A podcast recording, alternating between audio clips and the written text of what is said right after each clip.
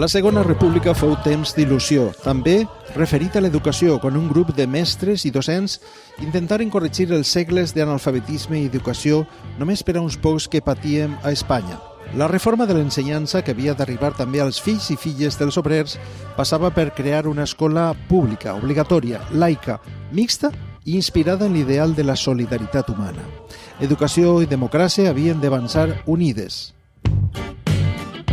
Avui parlem d'un autèntic oasi de llibertat, on es va aprovar una escola exemplar i modèlica que va arribar, a més, quan tot trontollava per la Guerra Civil. Eixa guerra que, a més, arrasaria de colp en acabar-se la llavor que milers de pedagogs havien creat poc abans. A Picanya, mentre les bombes queien per tot Espanya, se seguien la inspiració de la Institució Libre d'Ensenyança i les colònies escolars es convertien en espais de llibertat per a xiquets refugiats on s'experimentaven les més avançades tècniques docents. Este és el capítol 11 del MUR, els Jocs de la Memòria, i en ell fem parada en els anomenats horts, les cases d'estiueig envoltades de camps de taronxers que estan en la rodalia del poble de Picanya. Això que estan sentint és El MUR, els Jocs de la Memòria, un serial radiofònic multimèdia dirigit i presentat per Carlos López Olano. Fem periodisme en format podcast però també molt més. Si accedixen pel web, diversos recursos construïssin un relat multimèdia. La sèrie és una coproducció de Punt Mèdia i de Plaza Ràdio. Capítol 11. Els sorts de picanya i els xiquets de la guerra.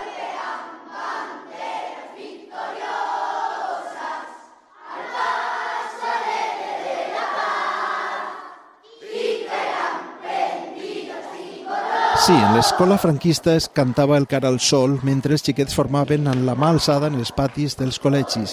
Fins i tot en la meva època escolar, tot i que Franco ja havia mort, els meus companys de classe i jo formaven fileres en el pati del col·legi per retre homenatge a l'alçada els dilluns i la riada els divendres de la bandera, mentre sonava la marxa reial. Als anys 40 l'adhesió al règim era obligatòria, també per als xiquets. Espanya! Libre! Viva Franco! Viva! Arriba Espanya! Però només un poc abans la situació era molt distinta. Hem de pensar que durant la República se, des del primer dia s'intenta portar les, les tècniques de lo que s'anomia l'escola nova, no? i l'escola nova europea, en tècniques de Montessori, de Freinet, de, de, de l'escola, per exemple, de, de Suïssa, totes aquestes tècniques foren tingudes en compte. Què tècniques concretament per analitzar-les? La primera, la coeducació. Així hi havia xiquets de dos sexes, separats a l'hora de dormir, però que estaven, era la coeducació.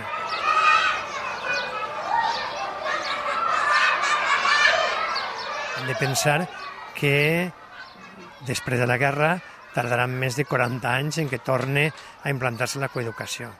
Després l'escola a l'aire lliure. Hi ha nombrosíssimes fotos en què la pissarra es trau així fora i els xiquets estan asseguts al costat. Després la higiene, se cuida moltíssim el tema de la higiene. Ja he dit abans lo de la infermera holandesa que està així present, que comença en l'Ordelis, però que després estarà també en les altres eh, colònies. Després eh, l'alimentació, es millora una alimentació cuidadosa. Hi ha després tots els jocs esportius que hi ha al voltant d'una educació integral. Alfred Ramos és mestre, historiador i de Picanya. Ell ens acompanya per un passeig que anomenen la Ruta dels Horts. Pel camí, tan sols a pocs minuts d'esta població de l'Horta Sud anem veient aparèixer cases imponents d'estil modernista moltes, en bon estat de conservació, per una senda que serpenteja entre camps de cítrics.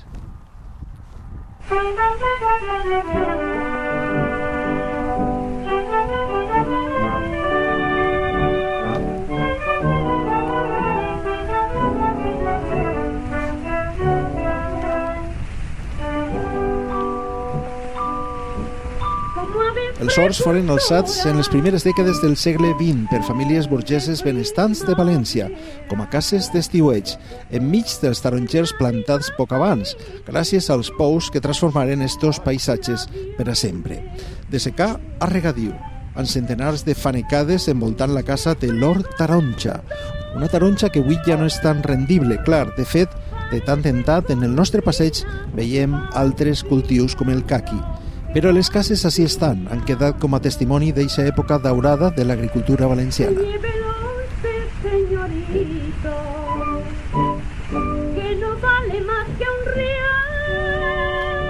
Este fou l'hàbitat ideal on es van desenvolupar l'any 37 les colònies escolars, una idea de la República per a protegir els més dèbils, els xiquets, dels perills del front.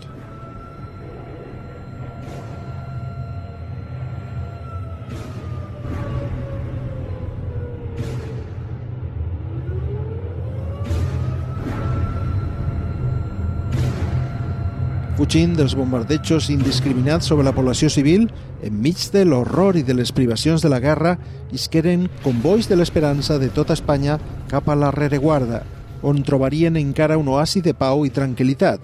Molts d'eixos xiquets eren, a més, fills de combatents. Estem parlant d'un volum general de vora 100.000 xiquets xiquets distribuïts per tota la costa mediterrània, no? Eh, a Picanya és oferit també el propi comitè popular decidís que, bueno, després de la incautació de, de les cases, que puguen vindre a Picanya. Hem dit que són tres, eh, la colònia número 1, que s'estableix amb uns 70 colons, podríem dir-li, en l'hort d'Albinyana, la colònia número 2, que és la que estem així, s'estableix en l'hort de l'Is, amb uns 60 xiquets i xiquetes, i per últim la de Coll, colònia número 3, sobre uns 50-60. En total tenim estimats que els colons que passen per Picanya seria un general de 180, 190 en les llistes que puguen estar, perquè alguns acabaven complint 14 anys. L'edat era entre 3 i 14 anys, vingueren mestres acompanyats. Una cosa molt important de dir de les colònies és que cada colònia estava, tenia un patronatge, podríem dir-li, estava patrocinada. La primera, la número 1 d'Albinyana, estava, la, la, estava patrocinada per la brigada número 13 de les brigades internacionals. Per què? Perquè eren elles les que donaven suport econòmic per al manteniment de la colònia. La número 2, que estem així en l'Ordelis, era una associació d'Holanda, concretament de la ciutat d'Amsterdam, que els ciutadans ajudaren a, econòmicament al manteniment de la colònia. Així, fins i tot hi hagué una infermera holandesa. I la número 3, la establida en el Or de Coll, era, tenia el patrocini d'una associació nord-americana, concretament des de Nova York.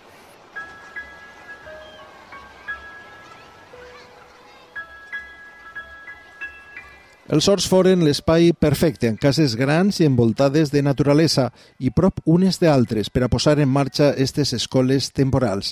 Entrem amb Vicente Lis en sa casa, Lord de. Pues el edificio que vemos actualmente eh, se edificó, eh, se terminó de edificar en el año 27, en 1927. Costó creo que un par de años hacerlo porque es grande y eran otros medios de construcción y fue a raíz de un, pues una avería que hubo en el edificio anterior que tuvo un problema de cimentación, entonces se tuvo que un poco demoler el edificio antiguo y hacer y entonces se aprovechó ya para hacer una casa bastante más grande y una casa ya de veraneo para una familia grande que entonces veníamos todos aquí a veranear. En ese momento era la primera generación que era de mis abuelos estuvieron aquí veraneando siempre, siempre venían a pasar los meses de verano. Y entonces pues eh, han pasado pues desde mi, la primera generación que fue mi abuelo, luego la generación de mis padres y ahora nosotros. L'Hort de Lis, igual que altres veïns, s'ha adaptat a la vida moderna i ara acull bodes i altres celebracions privades.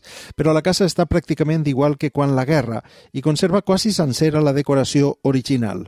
Passejar per les seues estances és com transportar-se al passat. I esta, esta casa eh, a la teva família. Què va passar en aquests anys la teva família? Sí, pues bueno, en el momento del estallido de la guerra, eh, pues les cogió fuera, eh, les cogió fuera de aquí de Valencia y entonces pues la guerra la pasaron fuera y entonces esto está vacío, claro, y entonces al hacer la idea de tener la idea el ministro de de hacer las zonas, de evacuar a los niños a las zonas protegidas, pues pensaron en este tipo de, edificaciones que aparte de encontrarse juntas, pues era una zona muy protegida y un ámbito y estando disponibles porque estaban vacías, pues fue una idea pues bastante buena el tener aquí a esos niños pues al margen de las trifulcas de la guerra de todo ámbito.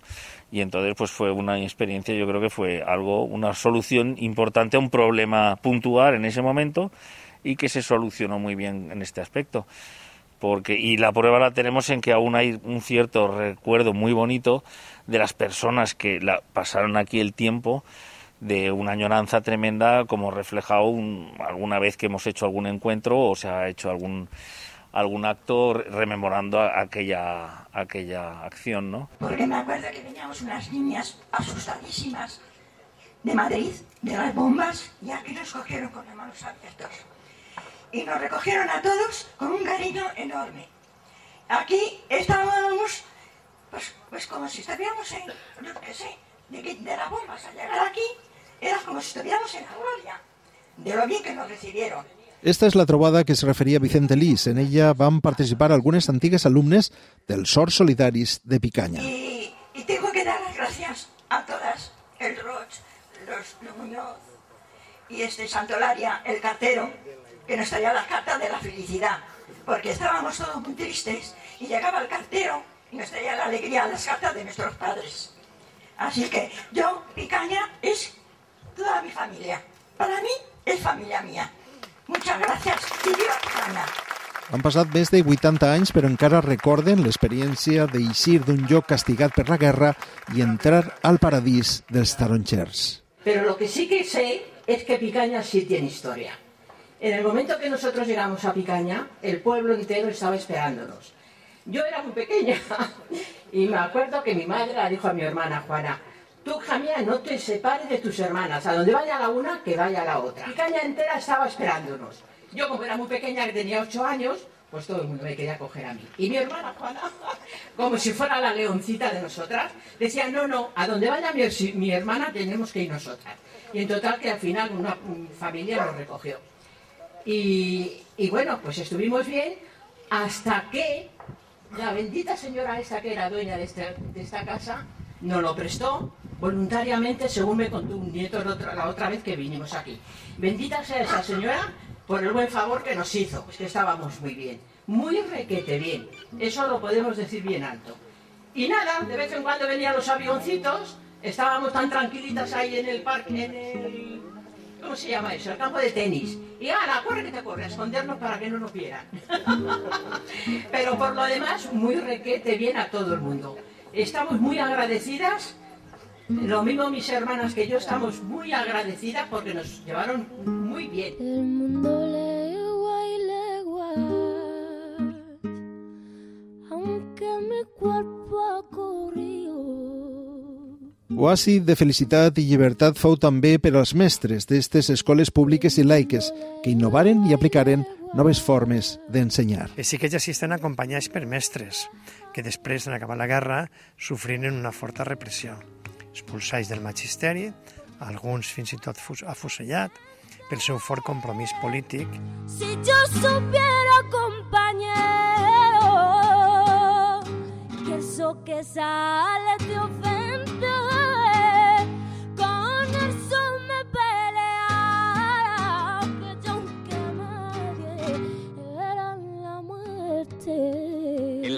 y escuelas, las afiliadas a la sección femenina ponen en práctica la lección de José Antonio.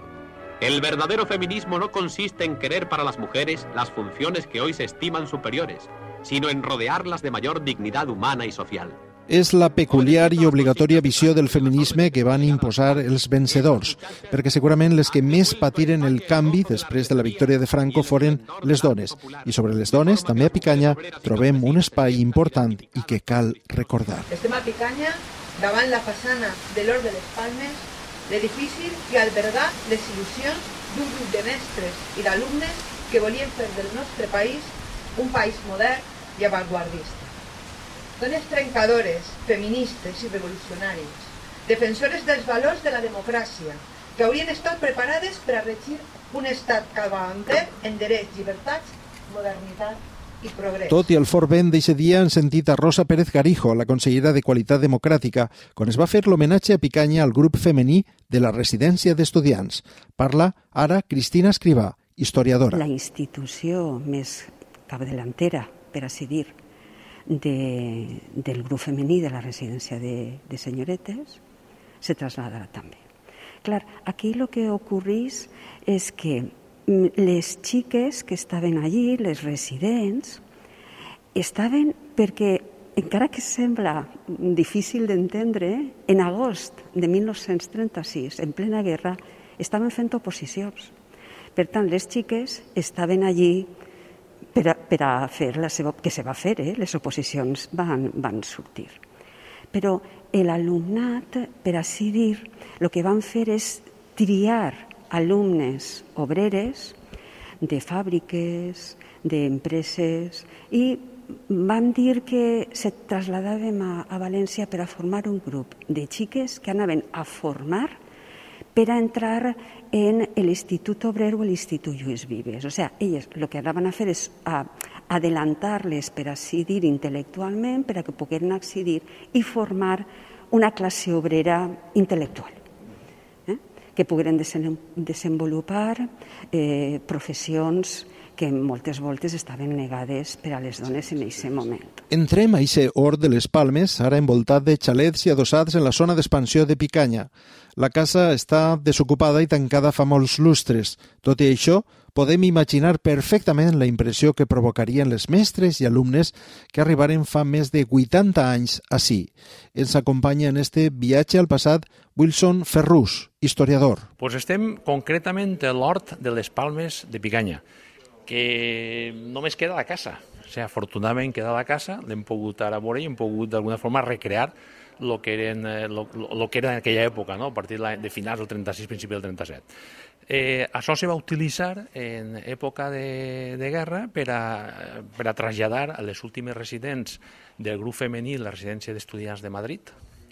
Eh, se vingueren així des de Tarancón, a través de Tarancón, una carretera en, en una espècie de, de, de carros, de, de camions, etc. I a, més en elles les acompanyaven un grup de xiquetes evacuades de Madrid. Aleshores, aquestes xiquetes evacuades de Madrid, juntament amb les últimes residents que hi havia allí en Picanya, perdó, en Madrid, eh, vingueren així, acompanyades per les seues mestres. Entonces això se convertí pues, en, en, en, la no, en el nou grup femení de la residència d'estudiants de Madrid. Pues mon pare, quan la història que vosaltres voleu saber, mon pare tenia 15 anys que va ser en guerra. Encarna Tordera és filla de l'hostatger de l'Or de les Palmes, que va viure així eixos anys. Era el major de la casa i ell se'n recorda de quan vingueren les xiques, quan estaven així, eh, quan eh, estaven passejant-se i les veia passar, se n'anava a vegades al cine en elles a Paiporta, elles nadaven en la bassa que n'hi havia i,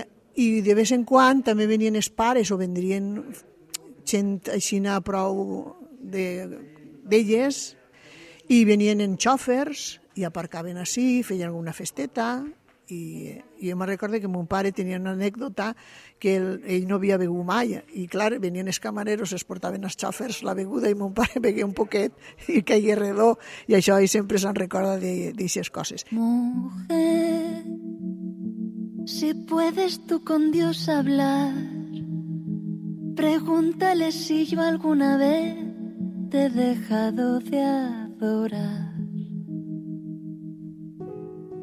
y al mar, espejo de mi corazón, las veces que me ha visto llorar la perfidia de tu amor. Elles només s'havien de preocupar eh, de lo que és la bugada, o sigui, de la seva, de la seva roba, que ara acaba de veure també la casa, on se les netejaven la roba, la bugada i, i de fer-se el llit. Eh? De la resta ja s'encarregaven, eh, pues, així tenien cuineres i tenien auxiliars i a banda tenien les professores, tenien els professors que s'encarregaven de la seva educació, la seva formació, que anava més enllà d'una formació de la capacitat intel·lectual, que és una de, les, de la filosofia eh, que mou el que és la residència de senyorites de Madrid, no? És a dir, eh, l'ambient que te dia abans, no? de tolerància, de cooperació, de col·laboració, era com un xicotet estat, no? una xicoteta república. El que és la residència de senyoretes va començar en el, en el 1915, concretament en Madrid, però és de veres que havia tingut un impuls molt important precisament en l'etapa de la república i que, bueno, que era un projecte molt important perquè era quan les dones començaven a, a tindre un paper fonamental no? en la història d'aquest país. I per tant cal reivindicar el paper d'aquestes dones que han sigut molt invisibilitzades per els que han escrit la història i a més a més n'hi ha que recordar que les dones segueren doblement represaliades perquè varen viure la repressió eh, de ser republicanes i la repressió de ser dones. El grup femení de la residència d'estudiants va seguir en actiu fins que les tropes franquistes invadiren finalment València. Cristina Escrivà recorda com fou eixe final. Però en, en l'Hort de les Palmes, un dia envoltant de l'himno de Riego, eh, es, es comença a sonar la marxa real. La guerra s'havia acabat. No? I les xiques de València van intentar fugir rutes de sortida, Port d'Alacant, anar a França, via Barcelona, fugir de Barcelona, quan cau Barcelona en Xener, o sigui, no és que totes surten a l'hora, van gotet a gotet sortint, no? les últimes se queden, i pues, l'exili interior de moltes d'elles no van poder continuar estudiant, la gran majoria, i les que tenien més simbolisme polític, més, eren més idealistes o, o que havien estat més al front de, dels, dels projectes al voltant del Front Popular, que ja estaven més formades, sobretot a Mèxic, tingueren una progressió fantàstica.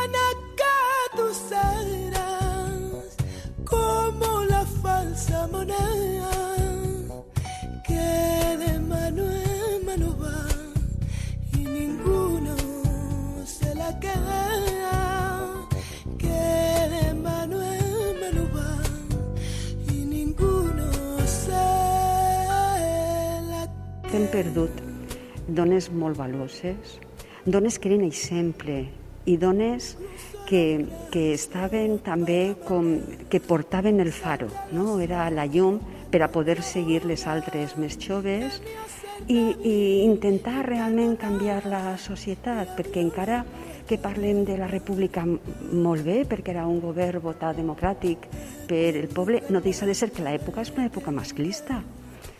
Per tant, elles eren les que realment anaven a fer aquesta revolució, una revolució pacífica, una revolució d'amor, de, de cultura i, i bé, el, el final de, de la majoria de lleses de sarrels, exilis, Gitana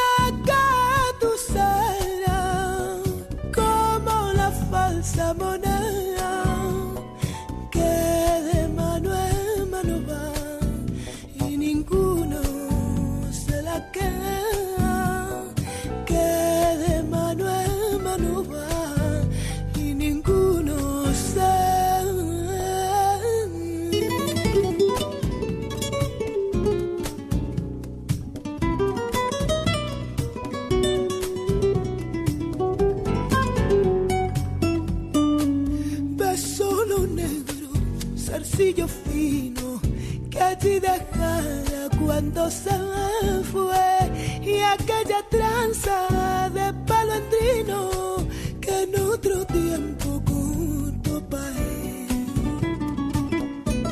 Cuando se marchaba Acaben d'escoltar el capítol 11 del Mur Els Jocs de la Memòria, el dedicat a parlar de les colònies escolars i la secció femenina de la residència d'estudiants que hi a Picanya. És un podcast multimèdia dirigit i presentat per Carlos López Olano amb accés per les de ràdio i també amb una versió enriquida amb diversos recursos per web i xarxes. En els reportatges han treballat Eduard Torres en la redacció, en l'edició, la realització sonora i la locució, Miguel Coll, en el disseny visual, Sergio Formoso, i en la locució, Lola Banyón. En breu, el capítol 12 que es diu L'Hospital Suec-Noruec d'Alcoi. Este programa és una coproducció entre A. Media i Plaza Radio.